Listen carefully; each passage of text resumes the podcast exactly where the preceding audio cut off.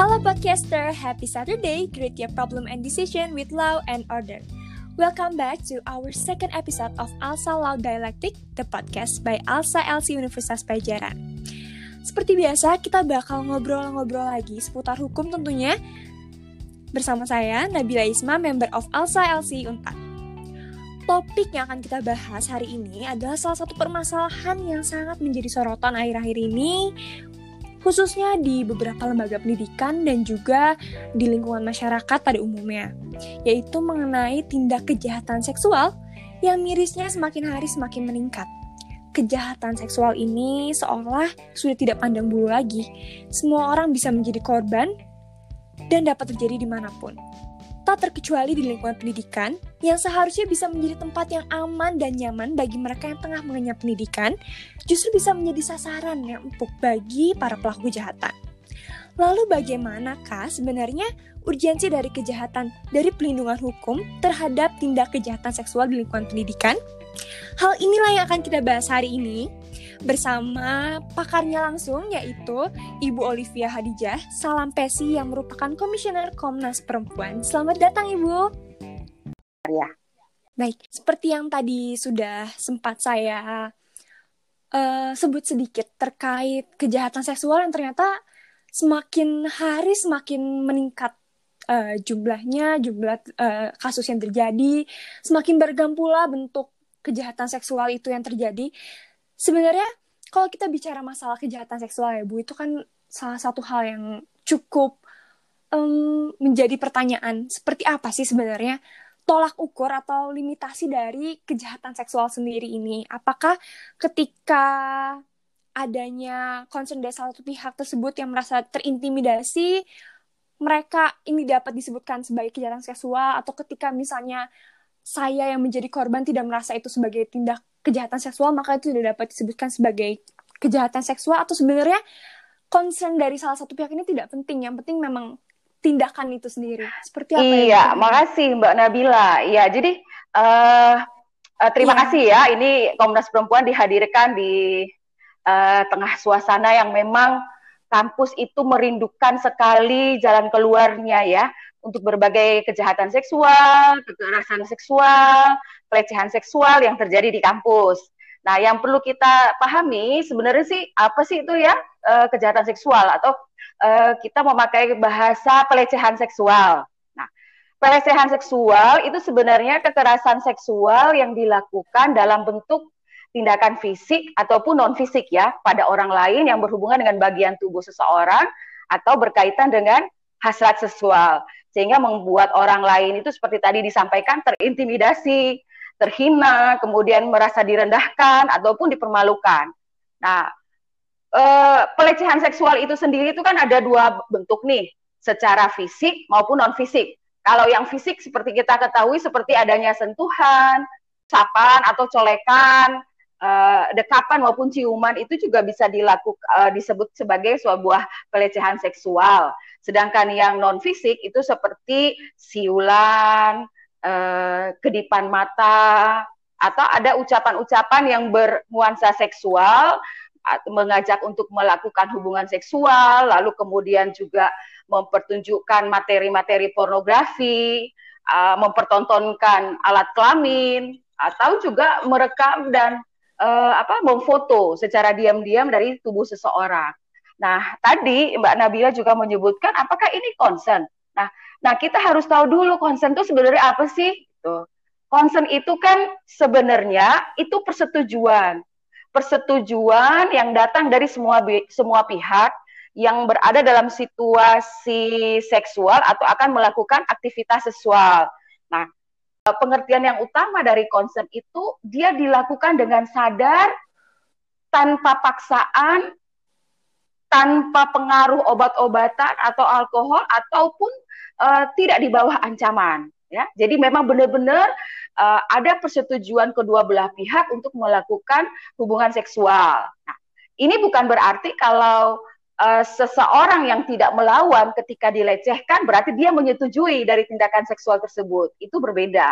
Nah, hanya memang masyarakat kita masih menganggap kalau konsen ini tabu ya karena adanya stigma di masyarakat yang membuat orang tuh uh, apa terobjektifikasi gitu ya. Dan uh, orang itu khususnya perempuan itu dia uh, kehilangan kuasa atas dirinya sendiri. Umumnya masyarakat kita masih beranggapan bahwa kalau uh, kedua belah pihak sudah dalam suatu hubungan maka konsen itu sudah tidak diperlukan lagi. Karena dianggap suka sama suka Nah, uh, misalkan dalam relasi uh, hubungan perkawinan, uh, di budaya patriarkat kita, budaya patriarki yang masih kuat di kita, maka relasi kuasa atas dari suami terhadap istri itu masih kuat melekat, sehingga seolah-olah ada pemaksaan terhadap istri, tapi dianggap sebagai hubungan uh, suka sama suka. Seperti itu ya. Jadi kita harus memahami dulu apa sih sebenarnya itu kejahatan seksual, kekerasan seksual dan concernnya itu seperti apa. Ya kalau memang kekerasan seksual terjadi terhadap seseorang, kemudian itu tanpa persetujuannya, itu sudah disebut sebagai suatu kejahatan seksual, kekerasan seksual atau pelecehan seksual. Baik, seperti yang tadi Ibu bilang ya bahwa bentuk uh, pelecehan seksual ini tidak selalu berbentuk secara fisik loh, tapi bisa juga secara verbal, seperti yang kita kenal dengan catcalling atau sekedar mengajak untuk melakukan uh, uh, mengutarakan kata-kata yang berhubungan dengan seksual segala macam. Namun ternyata memang uh, seperti yang tadi sudah disebutkan juga memang hal itu masih terdengar tabu gitu ya untuk dibicarakan dan masih uh, banyak orang yang masih menyepelekan catcalling ini atau pelecehan seksual secara verbal ini sebagai suatu hal yang ah tidak perlu terlalu dipermasalahkan seperti itu ya tapi ternyata memang terjadi masih sangat banyak terjadi di lingkungan uh, pendidikan khususnya, baik di masyarakat secara umum juga. Sebenarnya uh, melihat kondisi seperti itu, bagaimana sebenarnya Komnas Perempuan sendiri uh, melihat bahwa institusi pendidikan itu sebenarnya punya tanggung jawab untuk menangani praktek-praktek pelecehan seksual tersebut yang kadang luput dari perhatian masyarakat. Iya, uh, ini ini ini memang penting ya karena uh, catcalling itu sebenarnya sudah bentuk pelecehan seksual. Hanya karena masyarakat kan menganggap ah itu lumrah, sesuatu yang lumrah gitu ya. Iya. Nah, hmm. um, sehingga hmm. seolah-olah uh, tidak apa-apa. Padahal itu uh, sesuatu yang salah. Dia dia kan terjadi di ruang publik, belum tentu kom, uh, komentar yang dilakukan terhadap orang tersebut itu uh, nyaman diterima oleh uh, kita yang yang kena catcalling kan belum tentu kita nyaman dengan kondisi seperti itu. Iya. Nah biasa kan malah risih.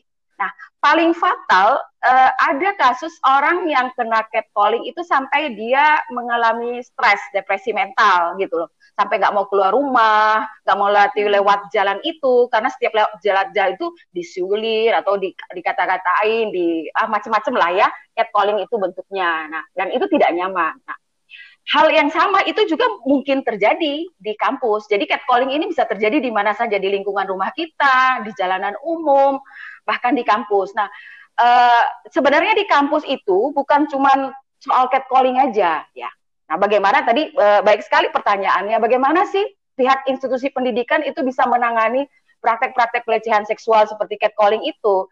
Nah, yang harus kita ketahui bahwa pelecehan seksual itu di kampus bukan saja soal catcalling, ya, masih banyak kasus-kasus lainnya, masih banyak sebenarnya sampai tingkat perkosaan dan lain-lain ya.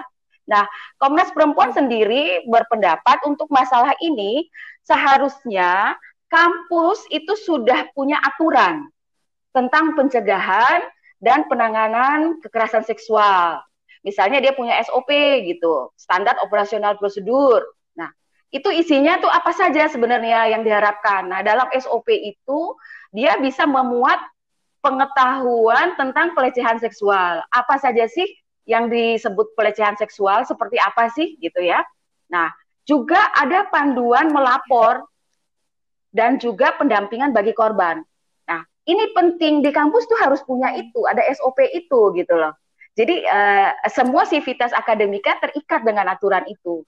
Nah, selain itu juga uh, kampus, lembaga pendidikan itu penting memberikan edukasi dan informasi tentang pelecehan seksual, keadilan hukum, bagaimana untuk korban, ya kan?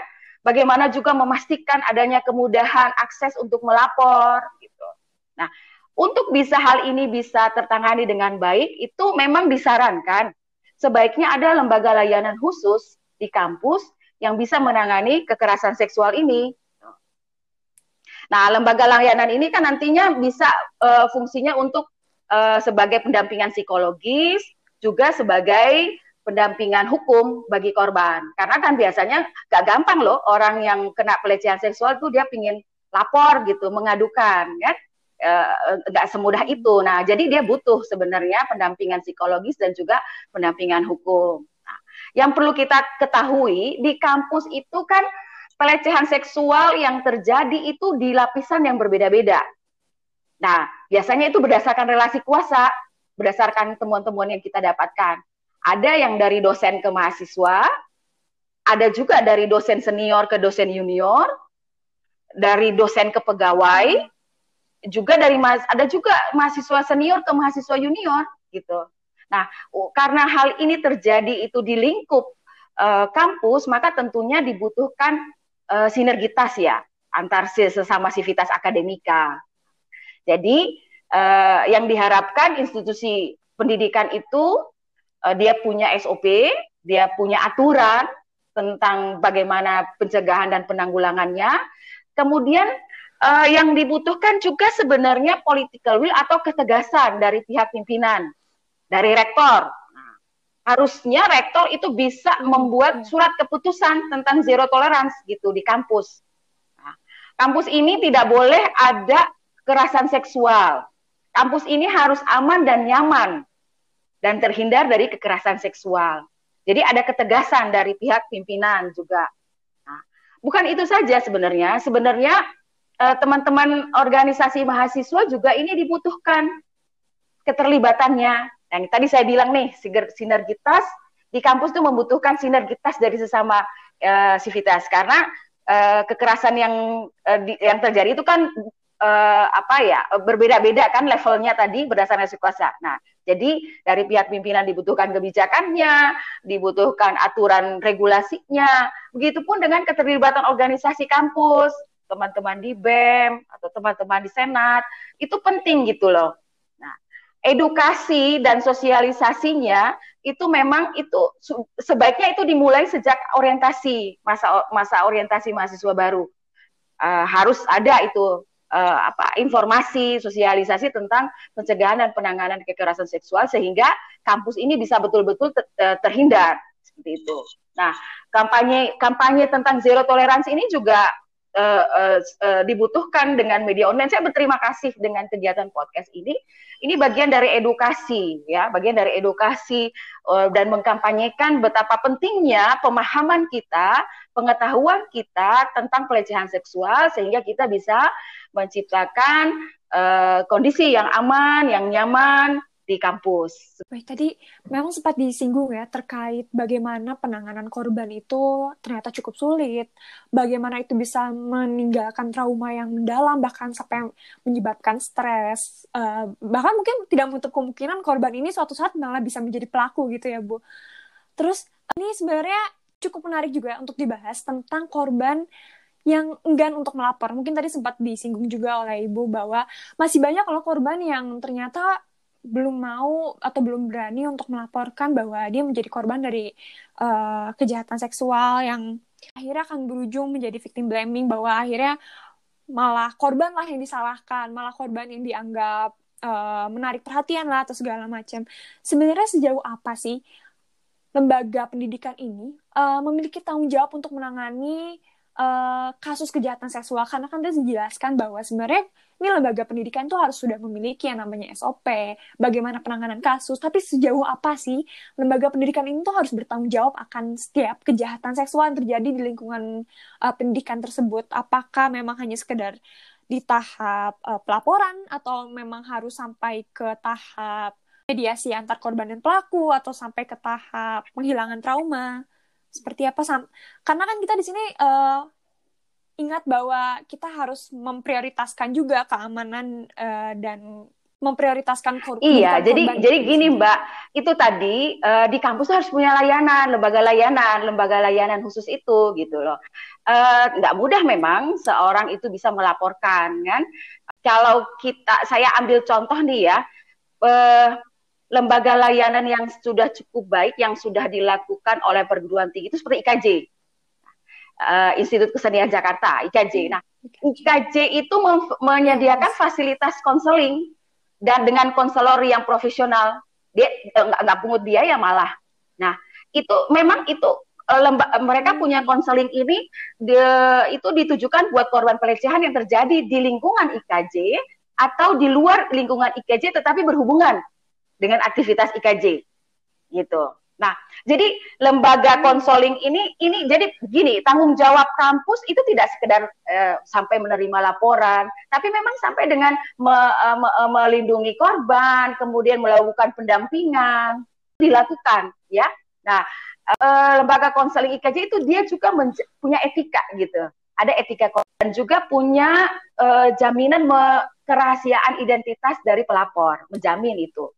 Ini penting gitu ya. Nah, jadi uh, siapa saja korban bukan berarti yang terjadi sekarang ini dia melapor kejadian yang baru dialami, tetapi kejadian-kejadian sebelumnya itu memancing orang-orang yang sebelumnya yang takut untuk melaporkan akhirnya berani datang ke layanan konseling itu, walaupun sudah terjadinya beberapa tahun yang lalu misalkan seperti itu. Nah, jadi sebenarnya yang seperti saya sampaikan di sebelumnya, kampus itu penting punya lembaga layanan gitu, lembaga rujukan. Jadi korban itu merasa oh ini ada loh yang membantu saya. Secara psikologis ya ada yang melindungi. Ya, secara psikologis itu sudah ya. menurut udah membantu sedikit loh. Sebelum nanti sampai dia menyampaikan hmm. uh, laporannya keluhannya gitu kan. Kan seseorang itu kan kalau mengalami sesuatu apakah dia tuh tipenya? Apalagi dia kalau introvert ya tertutup ya. Aduh dia diem aja aduh takut nih aku ah, malu deh gini ya kalau nyampein gimana ya nanti kalau ketahuan dan sebagainya gitu kan.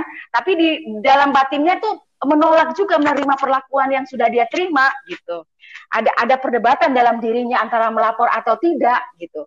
Kalau lembaga kampus dia melihat bahwa kampus ini sebenarnya tidak nyaman bagi dirinya, maka dia dia akan menutup menutup sendiri peristiwa itu ke dalam dirinya dan itu bisa menjadi bumerang bagi dirinya.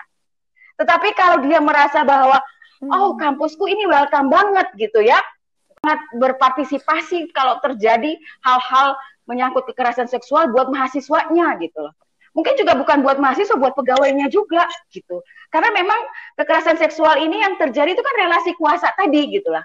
Orang yang menjadi korban itu kuasanya lebih rendah, ya kan daripada pelaku. Ketakutan, ketakutan yang tadi alami oleh si korban itu insya Allah bisa diminimalisir kalau ada lembaga layanan ini gitu. Nah, daripada dia harus pergi keluar misalkan dia harus mencari lembaga bantuan hukum di kampusnya sudah tersedia di situlah tanggung jawab moral pendidikan lembaga pendidikan sebenarnya untuk uh, bisa melayani uh, para korban nah kalau mahasiswa ini kan ujung-ujungnya takut sama dosennya nggak dikasih lulus lah seperti itu. Awas loh kalau kamu lapor, misalkan seperti itu. Ya banyak juga kasus-kasus uh, kan hmm. ada contoh di beberapa universitas yang bisa kita uh, uh, lihat, kita baca beritanya seperti itu. Karena ketakutan, diem aja lah, memilih diam aja daripada gua nggak lulus ya udahlah gue terima gitu kan. Nah, itu kan salah artinya nanti malah menurunkan produktivitas dirinya sendiri seorang yang tadinya produktif sekali, seseorang yang tadi penuh kreativitas, karena dia mengalami uh, pelecehan seksual, akhirnya uh, berdampak buruk bagi kehidupan dia, mungkin juga bisa berkepanjangan gitu. Nah, jadi di sini sensitivitas sebenarnya, sensitivitas dari dari perguruan tinggi itu yeah. untuk memaknai begitu maraknya terjadi pelecehan seksual, dia harus bikin apa sih gitu kan? Oke deh kalau pas SOP-nya tuh sulit, aku udah aku bikin mungkin ada lembaga uh, apa layanan kesehatan di kampus. Pakailah dulu lembaga layanan kesehatan itu misalnya sebelum menjadi sebuah lembaga layanan yang khusus menangani kekerasan seksual dia bisa memulai dari situ dulu misalnya. Uh, mempunyai seorang psikolog, menempatkan seorang psikolog di situ, kan? Untuk menjadi konselor, ada juga bisa untuk mendampingi yeah. secara hukum. Jadi jadi seorang itu uh, si korban tidak merasa sendiri gitu. Ada yang ada yang menemaninya, kampus memberi bantuan kepada dia seperti itu. Jadi memang di sini bukan hanya sekedar masalah regulasi, tapi bagaimana menciptakan lingkungan yang um, bisa melindungi korban, bisa menimbulkan rasa nyaman kepada korban ataupun pada semua masyarakat bahwa ya itu yang penting yang rasa aman dan nyaman. Gitu ya. Ya, ya uh, gitu. rasa aman. Kalau orang nyaman. sudah aman dan nyaman kan dia mudah melakukan aktivitas apa saja. Kreativitas kan dia semakin muncul dan dia lebih ya. produktif kan. Nah, itu yang kita harapkan sebenarnya. Iya, rasa aman dan nyaman ya. itu yang paling penting harus diciptakan ya. Terus tadi sempat disinggung lagi terkait um, kembali lagi bahwa emang memang kampus ini harus punya regulasi nih. Kampus ini harus punya kebijakan yang tegas terkait zero tolerance uh, tentang kejahatan seksual ini. Lalu seperti apa sih Bu sebenarnya rencana jangka panjang dari pemerintah, khususnya di sini mungkin uh, Komnas Perempuan, untuk mengurangi kekerasan seksual ini terjadi pada institusi, institusi pendidikan? Mungkinkah uh, ke depannya pemerintah akan mengeluarkan regulasi yang mengikat terkait kejahatan seksual ini, ataukah mungkin ada program-program yang uh, khusus dibuat untuk penghapusan? Oh iya, itu sudah ini? pasti Mbak. Jadi kebetul uh, apa Komnas Perempuan itu kan mandatnya untuk mengembangkan kondisi yang kondusif untuk penghapusan segala bentuk kekerasan terhadap perempuan dan penegakan hak asasi perempuan ya. Dan kita hmm. juga punya mandat untuk me, me, melakukan upaya pencegahan dan penanggulangannya. Nah, otomatis dengan mandat tersebut maka Komnas Perempuan juga punya kepentingan untuk menciptakan kampus yang aman dan nyaman tadi tanpa kekerasan seksual. Nah, jadi ada dua hal tadi ya untuk jadi untuk bisa menciptakan kondisi yang uh, aman dan nyaman itu satu selain adanya regulasi aturan dan juga perlu memasukkan atau mengintegrasikan hak konstitusional perempuan ke dalam kurikulum dan bahan ajar rencana pembelajaran. Untuk itu kita Komnas Perempuan itu sudah melakukan kerjasama dengan Kementerian Agama, Kementerian Agama Republik Indonesia, uh, dalam hal pencegahan dan penanggulangan kekerasan seksual di perguruan tinggi keagamaan Islam di seluruh Indonesia itu sudah ya. Nah, nah yang sekarang nih sedang kami uh, jalankan itu uh, kerjasama nanti dengan pihak Kementerian Pendidikan dan Kebudayaan dalam hal yang sama juga. Nah ini uh, sedang dalam proses.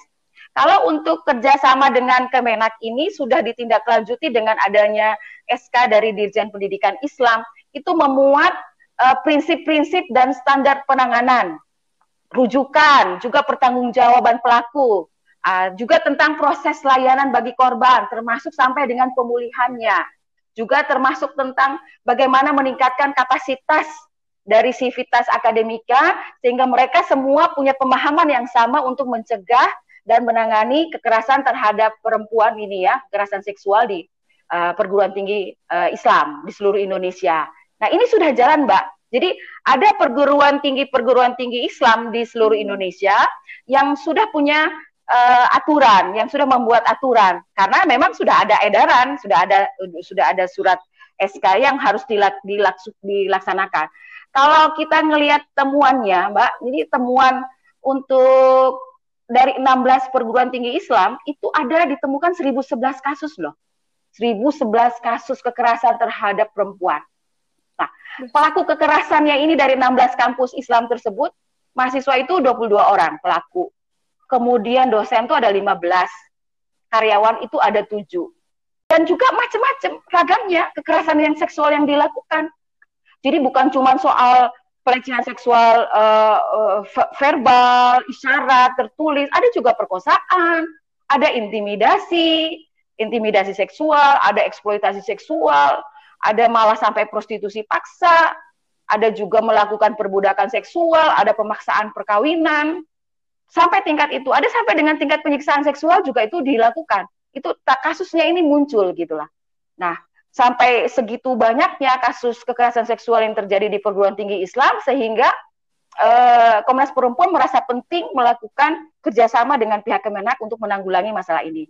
Nah, sekarang kita sedang melakukan kerjasama dengan pihak Kementerian uh, Pendidikan dan uh, Kebudayaan, ya kami juga berharap nanti uh, ini akan menjadikan bagian dari akreditasi. Jadi uh, upaya pencegahan dan penekanan kekerasan idealnya sebuah kampus yang bebas dari kekerasan seksual, zero tolerance seperti apa itu yang akan uh, kita harapkan terjadi. Uh, perempuan ini nanti termasuk kekerasan seksual ini masuk dalam penilaian akreditasi. Tapi bukan berarti akreditasi bahwa uh, akreditasi itu sekedar bahwa di kampus itu sudah punya SOP, sudah punya aturan tidak, tapi bagaimana mengimplementasikan dari aturan-aturan tersebut. Seperti itu ya. Kalau misalnya ada dosen yang melakukan, apa tindakan yang sudah dilakukan terhadap dosen tersebut gitu. Nah, jadi eh, kami pingin memang ke depan itu semua kampus itu betul-betul nyaman. Yang tadi aman nyaman. Nah, seperti apa? Ada ada ada payung hukumnya. Nah, untuk payung hukumnya itu kami karena ada perguruan tinggi uh, Islam, perguruan tinggi Kristen, naungannya kan ke Kementerian Agama. Nah, kita pakai kerjasama dengan jalur Kementerian Agama. Sedangkan yang pendidikan uh, tinggi umumnya, apakah itu negeri maupun swasta, nah payungnya ke Kementerian uh, Pendidikan dan Kebudayaan. Nah, mungkin bisa mengambil contoh dari uh, eh, UGM dan UI yang sudah punya SOP-nya dan bagus sekali SOP-nya itu dalam bentuk buku saku. Seperti itu, Mbak. Jadi memang negara berkepentingan untuk menciptakan kondisi yang betul-betul aman dan nyaman di kampus. Otomatis sinergitas dari bukan cuma uh, di lingkungan kampus, tapi secara totalitas dari pusat pemerintah, apakah itu kementerian yang nanti diturunkan dalam bentuk surat keputusan. Nah, itu yang diperlukan sehingga betul-betul uh, memang semuanya kembali ke sinergitas ini ya bagaimana pemerintah, institusi pendidikan bahkan sampai mahasiswanya sendiri bisa bekerja sama untuk menghapuskan yang namanya kejahatan sekali, seksual benar, di ya. pendidikan ini ya Bu harus memiliki layanan khusus untuk menerima kita bicara masalah sebenarnya tadi sempat sudah disinggung juga sih uh, tentang bagaimana memang kalau misalnya uh, institusi pendidikan memiliki kewajiban bagaimana ketika terjadi kejahatan seksual di lingkungan pendidikan uh, laporan korban cuman memang disayangkan masih banyak sekali korban yang uh, belum enggan untuk melaporkan diri kepada uh, melaporkan uh, bahwa dia telah menjadi korban dari kejahatan seksual. Sebenarnya mungkin boleh diperjelas sedikit Bu. Sebenarnya kenapa sih masih banyak korban yang enggan melaporkan terus uh, sebenarnya apa bahayanya ketika ternyata korban ini tidak mau melaporkan bahwa dia menjadi salah satu korban dari kejahatan seksual dan um, upaya apa yang sebenarnya bisa dilakukan oleh korban ini ketika ia Iya, sebenarnya kan korban. itu tadi ya. Uh, menjadi korban itu kan sesuatu yang tidak diinginkan. Ya kan? Sama sekali tidak ada orang yang ingin menjadi hmm. korban. Akan terjadi pergolakan dalam dirinya. Pertama, setelah dia menjadi korban, akan menjadi pergolakan dalam dirinya dan bahwa stigma masyarakat kita uh, hal ini adalah hal yang tabu dan merupakan aib. Nah, itu terlalu kuat sehingga membuat seseorang itu merasa takut untuk uh, melaporkan keadaan yang terjadi pada dirinya. Karena dia berpikir, wah ini aib saya, gitu kan, malah saya nanti yang disalahkan. Belum lagi kalau melapor ke kepolisian kan kadang juga yeah. itu aparat penegak hukum kadang juga tidak fair dalam melayani. Suka belum bertanya lagi sudah seperti menjustifikasi bahwa dia ini yang bersalah. Nah, ini ini masalahnya di situ. Belum menang, belum menyelidiki benar, tapi sudah langsung menyalahkan ini gara-gara kamu gitu kan. Gara-gara kamu nih sampai kamu seperti ini sebenarnya. Arah arah pertanyaan diarahkan seperti itu. Nah, otomatis itu sudah menciutkan menciutkan si korban. Aduh, udah deh deh kalau gitu dah biarin aja deh gitu. Saya nggak mau lapor lagi gitu kan Malah kalau lapor kadang-kadang si pelaku itu dihadirkan. Nah ini kan tidak baik sebenarnya menghadirkan pelaku bersama-sama dalam satu waktu yang sama dalam hal pelaporan. Itu kan eh, tidak malah malah seperti kita menjustifikasi bahwa memang korban itu salah seperti itu tanpa meruntut dulu bahwa ini sebenarnya kejadiannya seperti apa seperti itu. Seseorang melaporkan suatu tindak kejahatan itu berarti kan itu bukan karena persetujuannya dia sampai hal itu terjadi kan? Nah, itu berarti bahwa dirinya ini menjadi korban betul-betul yeah. sudah telah menjadi uh, mengalami suatu kejahatan seksual ataupun kekerasan seksual. Nah, uh, tadi kenapa tidak mau lapor karena stigma kita pergolakan dalam batin si orang tersebut. Nah, kadang juga kita melihat uh, psikologis dari si korban gitu, kejiwaan dari si korban. Ada uh, orang yang melapor itu kadang-kadang juga mempunyai jiwa yang pemberontak misalkan ah aku akan lapor saja dia punya uh, secara psikologis kejiwaannya cukup kuat untuk melak melakukan itu seperti uh, yang sempat viral kan pelecehan seksual mahasiswa UI itu sempat viral juga beliau dia melaporkan sampai ya dan itu viral dan itu itu kan tidak semua orang punya kekuatan seperti itu Nah, tergantung uh, kejiwaan seseorang. Ada orang yang merasa takut, ada yang malu, dan ada orang yang berani. Nah, memang tidak uh, tidak mudah memang kita uh, mendampingi. Bahkan teman-teman yang di forum pengada layanan yang menerima berbagai kasus tidak mudah loh kita untuk uh, me mem membuat si korban berbicara. Tidak mudah membuat si korban berbicara. Itu butuh waktu, gitu kan? Nah, sampai si korban bisa berbicara itu suatu hal yang luar biasa karena dari situlah kita bisa mengungkapkan segala fakta yang terjadi gitu. Tapi itu tadi kadang-kadang sudah um, uh, apa disalahkan lebih dulu, akhirnya sudah deh uh, karena ingin dianggap aib, keluarga juga akhirnya berdampak juga kepada keluarga yang sudahlah terima saja. Akhirnya dampaknya bisa lari ke pendidikan, dia bisa tidak enggan lagi untuk bersekolah, enggan lagi untuk melanjutkan pendidikan ataukah dia akhirnya tidak bekerja kalau dia itu memang sudah bekerja dan lain sebagainya seperti itu. Berarti memang uh, dapat dipertimbangkan juga bagaimana ketika kita menjadi korban mau tidak mau kita harus bisa uh, berani untuk melapor dan juga kita sendiri sebagai masyarakat jangan pernah menjustifikasi orang itu sebagai uh, yang salah gitu ya. Menjadi, ya. Umumnya uh, seperti itu, Mbak. Gitu ya, Jadi da dan iya, perempuan perempuan yang selalu disalahkan iya, sebagai penyebab dari sebuah kejahatan. Lucunya di situ gitu. Kok kok, kok, kok, kok bisa ya setiap kejahatan seksual iya, yang disalahkan lucu. perempuannya gitu.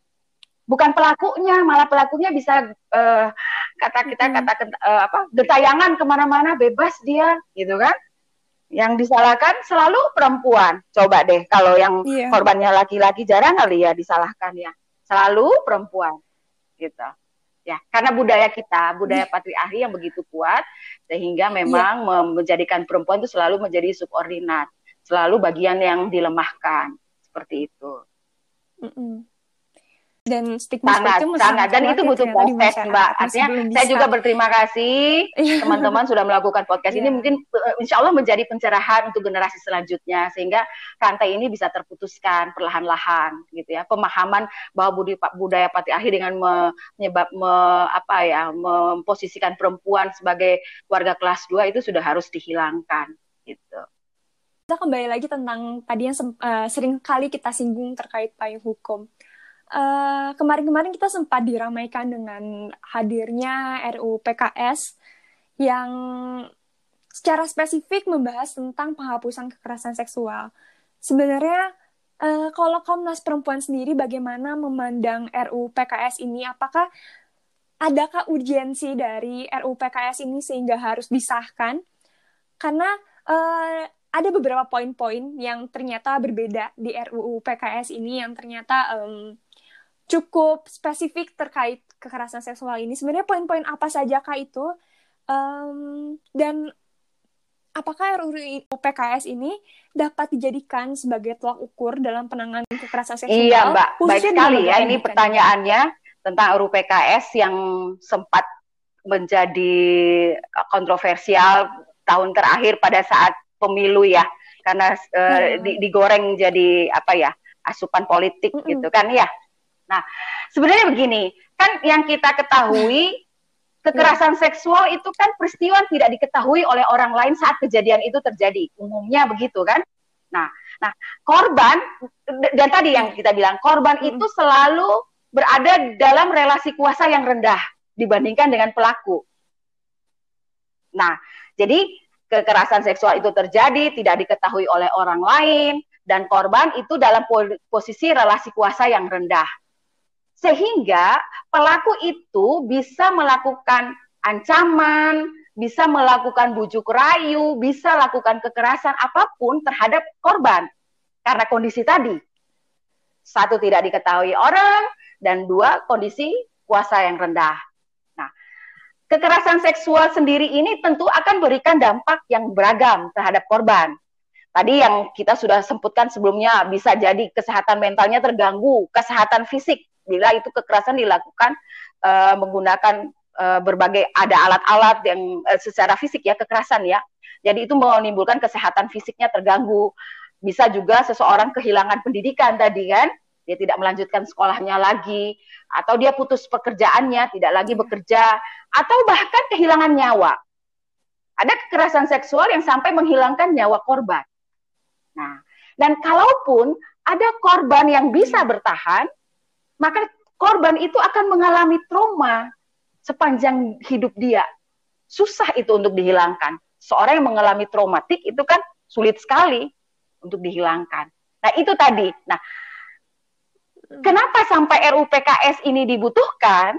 Yaitu karena untuk mengatur tindak pidana kekerasan seksual yang tidak diatur di dalam KUHP maupun KUHAP.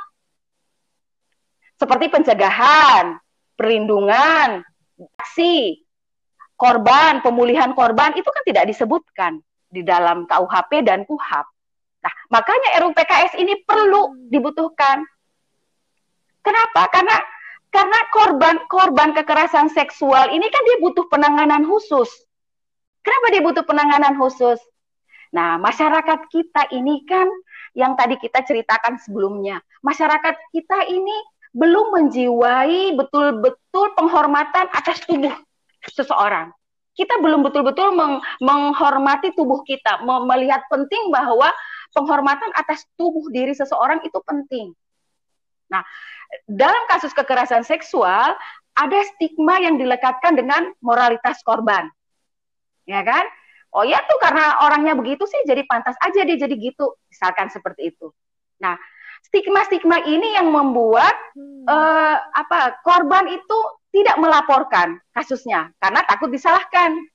Nah, kalau dia tidak laporkan, takut disalahkan seperti yang tadi, dia itu akan eh, hal ini bisa apa ya kita anggap berpotensi untuk berulang. Udah gue bikin kita laku apa kita jahatin dia aja lagi orang itu tidak dia laporkan maka keberulangan kekerasan seksual oleh pelaku itu akan terus dilakukan. Karena merasa di atas angin boleh saja dilakukan. Tidak ada aturan hukum terhadap pelaku yang kuat. Tadi RUPKS ini semua ada, Mbak. Nah, selain itu juga Bila korban itu dia melaporkan kasusnya, maka kan tadi ada potensi korban mengalami reviktimisasi, dipersalahkan. Nanti dia ditanyakan dengan pertanyaan yang membuat korban itu tidak nyaman. Umumnya ini terjadi pada saat uh, di uh, apa uh, dilaporkan dengan aparat penegak hukum. Dia juga dipertemukan dengan dengan pelaku. Ini pengalaman-pengalaman yang dialami selama ini. Nah, korban tuh sering kali juga mengalami hambatan dalam membuktikan kasus. Misalnya dituntut untuk menghadirkan saksi, Apakah ada saksi yang melihat dan mengetahui terjadinya kekerasan? Nah, tentu kan sulit ini untuk untuk diberikan. Nggak, nggak mungkin kan? Nah, nah keterangan korban tentang siapa pelaku itu kemudian diragukan. Karena tidak ada alat bukti yang menunjukkan bahwa keterangan korban itu betul-betul dia telah mengalami kejahatan seksual. Nah, juga ada apa? Kenapa ini penting buat korban? Karena korban selama ini tuh sulit untuk mendapatkan layanan bantuan hukum untuk memperoleh uh, akses keadilan ya. Nah, makanya RUU PKS ini membuat juga memuat tentang layanan layanan-layanan hukum yang uh, keadilan hukum bagi korban. Nah, kalau korban itu menempuh peradilan pidana belum tentu juga dia hak dan pemulihannya itu dibutuhkan karena memang kan tidak memuat soal pemulihan di dalam uh, KUHAP ya dan KU, uh, KUHP. Nah, seperti itu, Mbak. Nah, jadi jadi makanya kenapa uh, penanganan khusus terhadap korban kekerasan ini harus diatur, mulai dari pelaporannya, penyelidikannya, penyidikannya, sampai dengan penuntutan, bahkan dalam pemeriksaan di sidang pengadilan pun itu harus di, di. Nah, ini agar korban itu mendapatkan jaminan atas hak-haknya sehingga dia juga terhindari tadi dari diskriminasi selama menempuh jalur peradilan pidana ataupun jalur-jalur penyelesaian yang lain. Nah, seperti itu, Mbak. Nah, kenapa sampai uh, eh, RUU PKS ini betul-betul dibutuhkan lalu poin-poin apa saja ya. Dan uh, memang tidak ada tidak uh, tidak disebutkan di dalam uh, KU ada yang tidak disebutkan dalam KUHP maupun dalam KUHAP sehingga betul-betul dirasakan RUU PKS sudah seharusnya uh, disahkan. Seperti itu Mbak. Jadi memang bisa dikatakan RUU uh, PKS ini benar-benar mengakomodir seluruh kebutuhan terkait uh, pelecehan seksual ini. Oh iya mbak, insya Allah iya, karena memang kan RUPKS ini kan uh, tujuan ditujukannya bukan hanya untuk melindungi perempuan, tetapi untuk semua orang yang mengalami kekerasan seksual termasuk mahasiswa mm -mm. dan juga termasuk laki-laki. Ini loh pemahaman. Jadi jangan seolah-olah berpikir oh RUU PKS itu hanya untuk perempuan, tidak untuk laki-laki juga gitu loh. Karena memang ada fakta bahwa ada kekerasan seksual yang juga dialami oleh laki-laki. Kalau kita ikuti ada kan kasus seksualnya Joni dan Jenny gitu beberapa waktu yang lampau. Nah, jadi RUU ini sebenarnya untuk menegaskan bahwa kasus kekerasan seksual itu bukan hanya bicara tentang perempuan, tetapi tentang penyerangan terhadap martabat tubuh seseorang. Tadi itu karena masyarakat kita kan belum belum belum semuanya memahami bahwa tubuh ini butuh penghormatan gitu loh. Nah, jadi RUPKS ini untuk untuk menegaskan hmm. itu. Nah, jadi tentang penyerangan terhadap martabat tubuh seseorang, apakah dia itu laki-laki ataupun perempuan. Nah, namun memang uh, dari segi datanya yang tercatat jauh lebih besar sih jumlah perempuan sebagai korban kekerasan. Nah, seperti itu. Jadi seolah-olah RUPKS ini milik perempuan, tidak gitu ya. Nah, ini kan karena karena ini ya apa ya? Eh, data-data yang kenapa perempuan lebih banyak ya ya itu budaya patriarki. Perempuan aja malu lapar apalagi kalau laki-laki ya kan? Kalau laki-laki yang mengalami uh, mungkin dia tidak akan pernah melapor juga yeah. gitu. Walaupun sebenarnya terjadi sehingga memang datanya sedikit. Nah, karena budaya patriarki kita seperti itu. Nah, jadi gitu Mbak, RU ini kan tidak hanya berkaitan dengan perempuan atau semata untuk urusan perempuan, tetapi uh, karena kita menemukan bahwa uh, ada juga kasus-kasus uh, sek, uh, kekerasan seksual untuk berjenis kelamin laki-laki ini, sehingga memang RUU PKS ini diharapkan bisa untuk melindungi secara komprehensif untuk setiap korban, baik itu laki-laki maupun perempuan. Seperti itu. Sepertinya podcast ini akan sangat uh, berguna sekali untuk mahasiswa-mahasiswa yang sekarang sedang gencar-gencarnya uh, menyuarakan tentang pelecehan seksual di lingkungan pendidikan ini karena memang cukup miris ya kalau kita melihat kasus-kasus yang saat ini sedang terjadi baik di lingkungan pendidikan Iya, benar benar benar Mbak. Uh, saya berterima kasih ya, mudah-mudahan ini uh, memberi pengaruh positif buat teman-teman mahasiswa semuanya dan mungkin juga bukan cuma mahasiswa aja ya, sivitas akademika yang lain juga sehingga mereka bisa mempunyai pemahaman yang sama ya. bahwa uh, masalah ini adalah memang masalah kita kita bersama, bukan cuma uh, milik mahasiswa perempuan saja, misalkan seperti itu, ya. ya.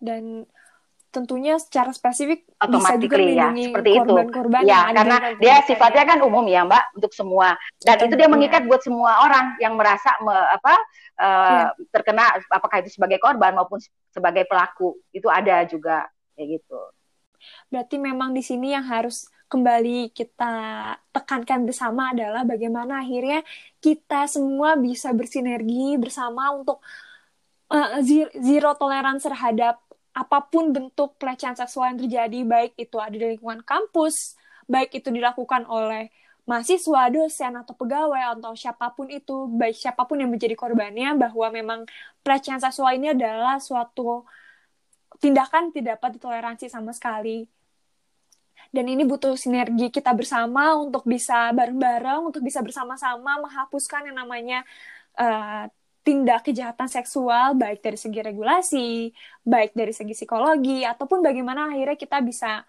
menciptakan lingkungan yang aman dan nyaman bagi setiap uh, manusia, bagi setiap kalangan yang ada di lingkungan pendidikan ataupun masyarakat secara umum. Bagi Terima kasih sekali Ibu atas waktunya. Terima kasih sekali atas pemaparan ini. Insya Allah bisa menjawab pertanyaan-pertanyaan dari para mahasiswa secara khusus ataupun masyarakat secara luas terkait kekerasan seksual. Podcaster sampai di sini dulu perbincangan kita seputar kekerasan seksual. Jangan lupa untuk terus mendengarkan podcast-podcast Alsa Law Dialectic The Podcast berikutnya karena kita masih bakal banyak ngebahas topik-topik seru lainnya terkait hukum dengan pembicara-pembicara lainnya yang tidak kalah menarik juga. Law Dialectic, create your problem and decision with law and order. Goodbye and see you podcaster. Have a good day.